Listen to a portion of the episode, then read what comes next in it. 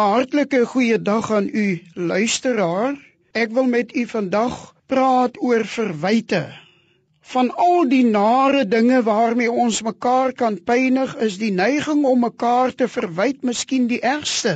Dit is een van die dinge wat die verhouding tussen mense op 'n verskriklike wyse kan versuur, terwyl dit nooit iets kan oplos of 'n situasie kan verbeter nie.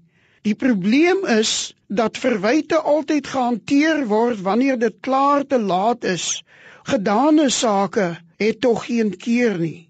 Die doel van die verwyte kan dus nie wees om enigiets reg te stel van wat verkeerd gegaan het of om in enige opsig behulpsaam te wees in die hantering van wat plaasgevind het nie.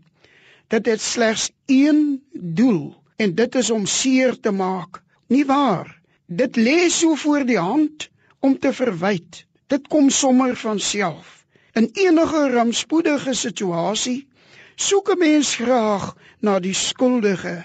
Dit gee 'n bepaalde bevrediging om die skuldige seer te maak, selfs al weet ons dat dit nie iets aan die saak kan verbeter nie.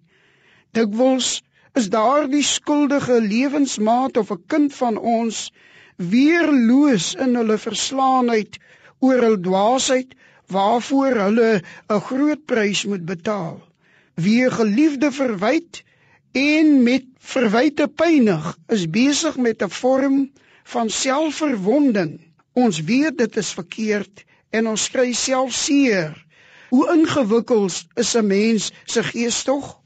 Ons kan wreed wees selfs teenoor diegene wat ons innig liefhet. Ons kan in die greep kom van vreemde en teenstrydige drange in ons eie hart.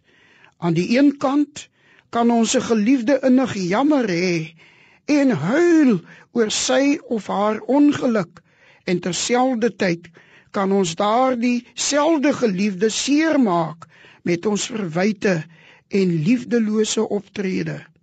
Egte liefde behoort anders op te tree.